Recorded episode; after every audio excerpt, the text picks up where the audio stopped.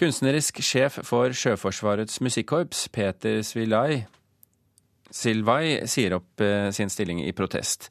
Forsvaret bruker så lite ressurser på musikkorpsene at det er best de slutter å spille for publikum, sier han. Vi er så presset på økonomi, og vi har et veldig lite driftsbudsjett. Og det er, sitter og telles og regnes på kroner hele tiden. Og jeg kan ikke være i et, i et system der vi er nødt til å være så vi er så underbemannet, og, og, det er nesten ikke råd til å produsere noen ting. Enda dette ikke er Det å spille samtidsverker er ikke noe dyr affære. Det sier Peter Silvai, kunstnerisk sjef for Sjøforsvarets musikkorps, bedre kjent som Divisjonsmusikken. Han sier nå opp i protest til dårlige arbeidsvilkår. Divisjonsmusikken marsjerer gjennom Bergens gater på 17. mai. Korpset er sammen med de fire andre musikkorpsene i Forsvaret Norges eldste musikkinstitusjon. I 200 år har de spilt både for soldater i felt og for landets sivile befolkning. Korpsene består av 160 profesjonelle musikere og er de beste i Norge på blåsmusikk. Nå mener Silvai at det brukes så lite ressurser på musikk i Forsvaret at man like gjerne kan slutte å ha offentlige konserter. Da, da mener jeg at da bør heller de avvikle hele, hele opplegget og bare spille, spille på militære oppdrag også, og, og droppe hele den sivile biten. Korpsene er ikke bare de beste på blåsemusikk. De er også viktige for amatørkorpsene, sier ordfører i Bergen og tidligere generalsekretær i Norges Musikkorpsforbund, Trude Drevland. Det er jo viktig for meg å nevne også at det er ikke bare tap av profesjonell musikktradisjon i Forsvaret dersom man skulle miste Forsvarets musikk rundt i landet, men det er også et tap for det frivillige musikklivet. For det er vel få eller ingen profesjonelle musikere som musikeren i Forsvarets musikk, som tar et så flott ansvar for det frivillige korpsmusikklivet i dette landet. Og det har en lang tradisjon. Det er ikke første gangen at militærkorpsene er ute i hardt vær. I flere år var budsjettene så små at korpsene måtte avlyse alle konserter. I 2009 tok forsvarsminister Anne Grete Strøm-Eriksen tak i problemet. I stortingsmeldingen Kultur og Forsvaret ble det lovet økt satsing på korpsene og bl.a. flere ansatte før 2013. Det er et potensial, større potensial i disse korpsene. Det skal vi ivareta fremover. Vi følger bevilgninger og retningslinjer fra Forsvarsdepartementet, sier kommandørkaptein og musikkinspektør Arnstein Lund. Det er jo da forsvarsminister som for så vidt har skoene på i, denne sammenhengen. Og det har altså ikke kommet uh, noen store endringer i tråd med stortingsmeldingen uh, opp til i dag. Det sa leder for Forsvarets musikk, musikkinspektør eh, Arnstein Lund, til reporter Sofia Paskiewicz. Og du kan høre mer om denne saken i Spillerom, programmet på søndag her på P2. Eh, Forsvarsdepartementet skriver i en e-post at de ikke ønsker å kommentere enkeltsaker i Forsvarets musikk nå, men mener selv de langt på vei har innfridd stortingsmeldingens eh, målsettinger. Forsvarets musikk er blitt styrket med flere millioner kroner, og har dermed fått et betydelig økonomisk løft. I budsjettene for 2009 og 2012 ble det bevilget til sammen 12 millioner kroner for bl.a. å øke aktivitetsnivået. I tillegg er det et eget investeringsprosjekt for innkjøp av instrumenter. Alt dette i tråd med stortingsmeldingen fra 2009. Det er viktig å ha med seg her at vi nå er inne i året 2013, og at meldingen skisserer en ønsket utvikling frem mot 2020. Det skrev altså Forsvaret i en pressemelding til oss. Magne Furuholmen skal lage opera om livet til Julia Pastrana, kjent som den meksikanske apekvinnen, eller verdens styggeste kvinne. Furuholmen var en av de få inviterte til gårsdagens seremoni på Rikshospitalet, hvor det balsamerte liket av kvinnen ble overlevert til meksikanske myndigheter. I dag skal han i møte med Den Norske Opera for å drøfte mulighetene for en opera basert på historien om Pastrana, skriver VG i dag. Marte Krogh har klaget VG inn for Likestillingsombudet fordi avisen i en sak kalte henne finansfrue. I sitt brev til Likestillingsombudet skriver Krogh bl.a. at betegnelsen er krenkende og kjønnsdiskriminerende. Til Dagens Næringsliv sier hun at hun håper dette vil reise en debatt om hvordan mediene titulerer kvinner, Og VGs redaktør Tori Pedersen sier, ha, eh, sier, hun har et relevant poeng, men forklarer at det i noen sammenhenger er naturlig å trekke fram konteksten. Popsenteret Rock City har siden starten 2011 betalt en psykolog 180 000 kroner for å gi råd til artister som har spørsmål om psykisk helse. Under 100 artister har benyttet seg av tilbudet. 1800 kroner per unike henvendelse er en forholdsvis høy stykkpris, og sånn kan det ikke fortsette, sier daglig leder Åsmund Prytz til Dagens Næringsliv. Når kontrakten om støtte til artistpsykologen går ut den 28. februar, vil de vurdere hva de skal gjøre videre. Tidligere denne uken har vi hørt at Rock City sliter med økonomien og har en gjeld på 30 millioner kroner. 1. mars åpner utstillingen fra Munch til Slettemark på Munch-museet. Det er Stein Erik Hagens samling av modernistisk maleri som utgjør utstillingen. Og kurator for utstillingen, Jon Ove Steihaug, hva er det vi får se? Det er eh, nordisk eh, maleri fra omkring 1900 opp til 1970-årene. Eh, jeg er for øvrig kurator sammen med Steinar Gjessing, som er, som er den som har bygget opp samlingen for Hagen. Jeg snakket med Stein Erik Hagen for en times tid siden og spurte ham hvorfor han ønsker å vise fram sin private kunstsamling. I likhet med de fleste samlere så er også jeg opptatt av å dele den med så mange personer som mulig. Mange mennesker som mulig. Og Derfor så driver vi også en utstrakt utlånsvirksomhet til museer både i Norge, Europa og, og, Amerika. Du har samlet på kunst i en god del år nå. Hvorfor har du ikke vist den frem før? Mye av samlingen er ute på museer, men den har aldri vært vist frem samlet. Fordi at de ønsket også at den skulle oppnå en viss, en viss mengde og en viss kvalitet. Så Derfor så, så har vi ikke ønsket å, å, å, stille ut så mange bilder på en gang. Hvor stor del av din eh, samling eh, er dette her? Totalt så har vi ca. 1200 gjenstander, og det skal på Munchmuseet skal nå stilles ut ca. 200. Hvilke deler av det er det som kommer på Munch-museet? Ja, Munch-museet kommer veldig mye sentralt nordisk og nordeuropeisk kunst, maleri, eh, litt skulptur fra begynnelsen av forrige århundre og frem til 1960-tallet. Hvorfor har du valgt å, å, å, samle nettopp modernistisk kunst, i motsetning til de fleste andre samlere som går for samtidskunsten? Eh, jeg har samlet også kanskje ikke mye samtidskunst, men jeg har også mye eldre kunst. Men jeg har ønsket på dette interessere meg. Jeg begynte tidlig å samle smak og retning har forandret seg litt underveis, men jeg tror kanskje man er her noe av kjernen av det som ligger meg nær. Hva er det kunsten gjør for deg, Stein Erik Hagen? Ja, Den gir meg masse glede. Den gir meg inspirasjon.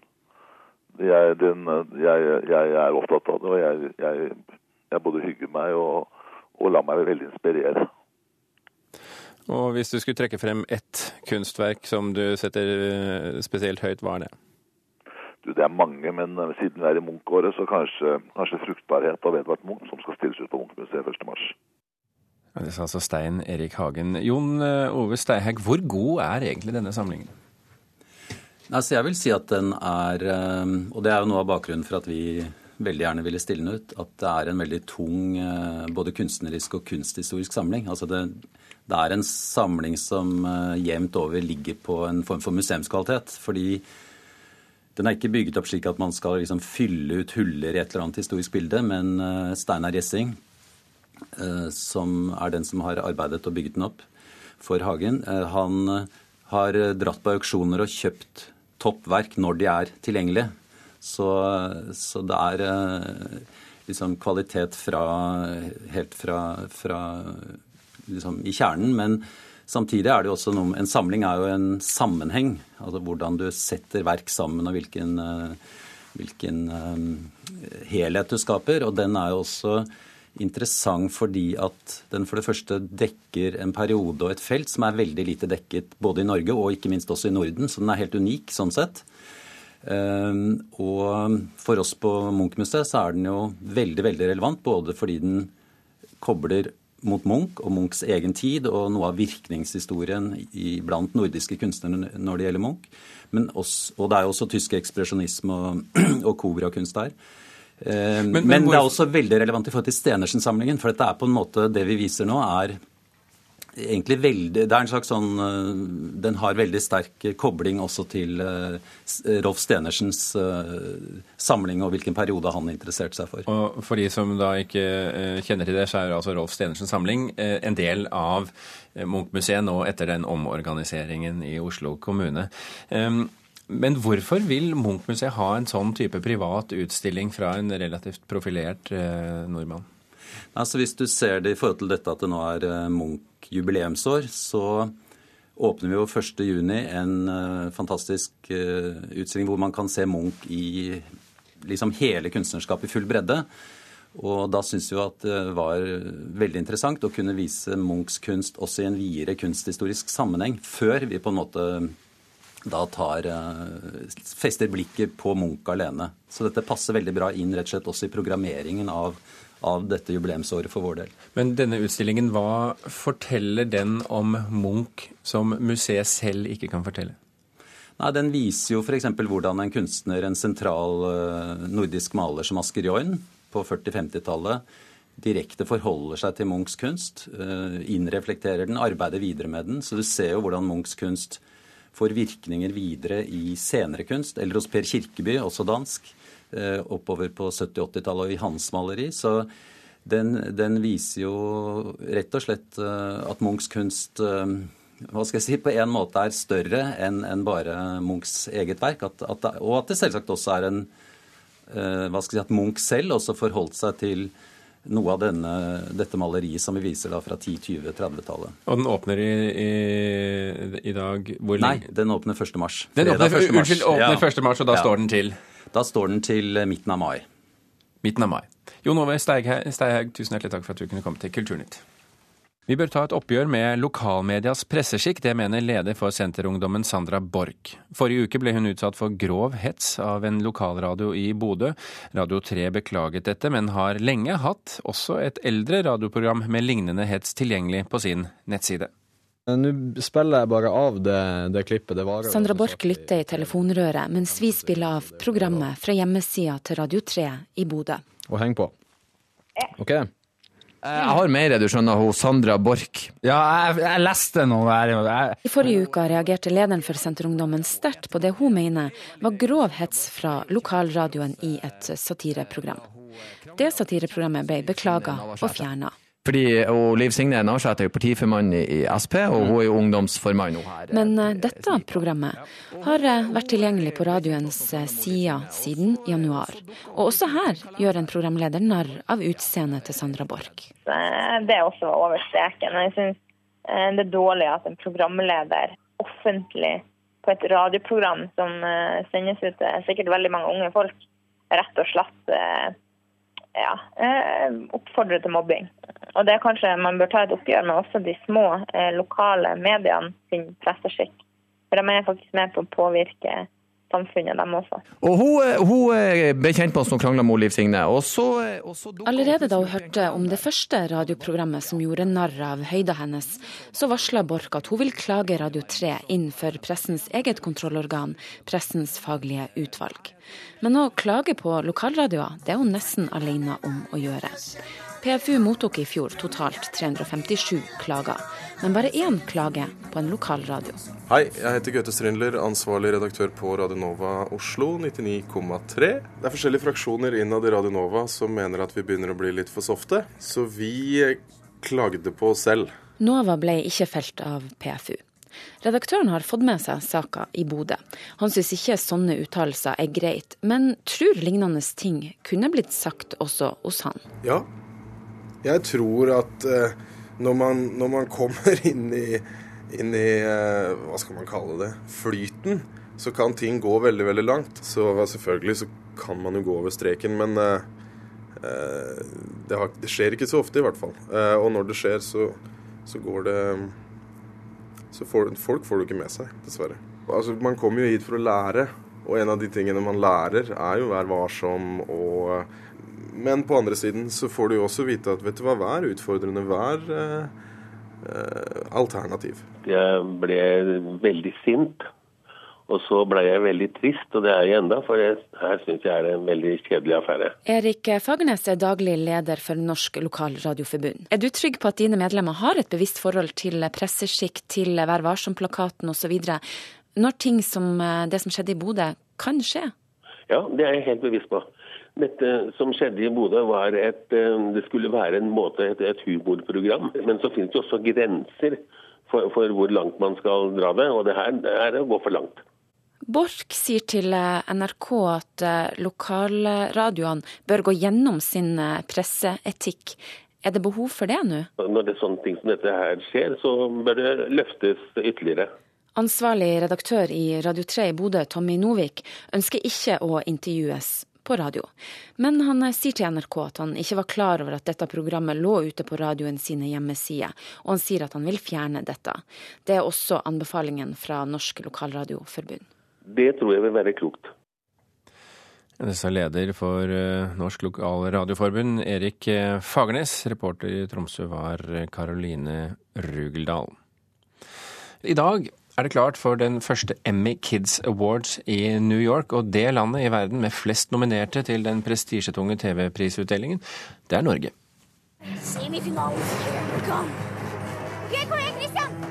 Det, det var stor stas og jubel. Sier Hanne Sundby, daglig leder i Fabelaktiv i Hamar, over å bli nominert til Emmy-pris for barne-TV-serien Energikampen på NRK.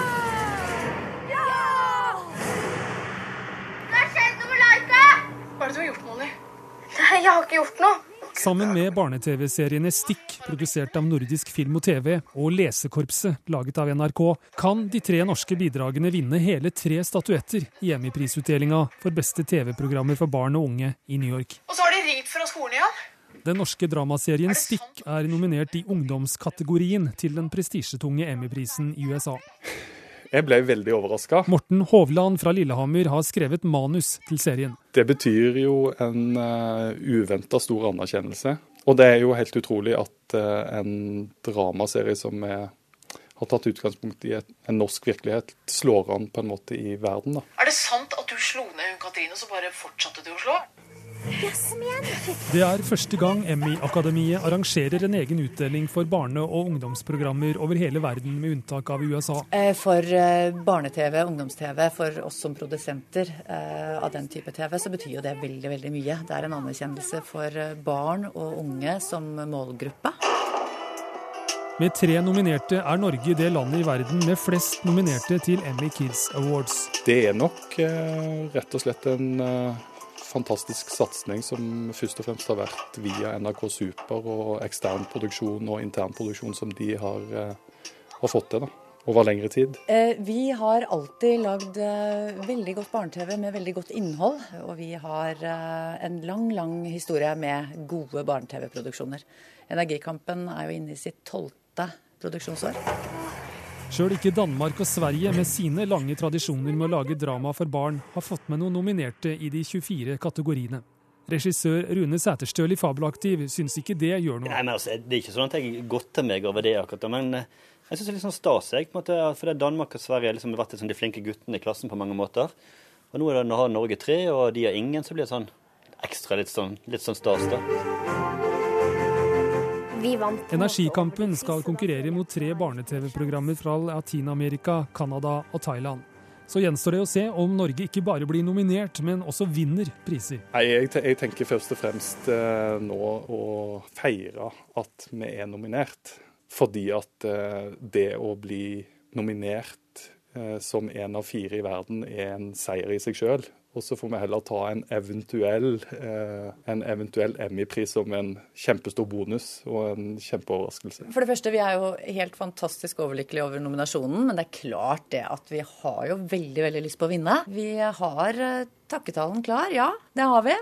Eh, og vi mener jo sjøl at Energikampen er verdens beste program, så go for it. Vi vant på en måte over de sist, så da føler jeg at vi har litt mer sjans. Da tar du og ringer med en gang du, du veit noe, ikke sant?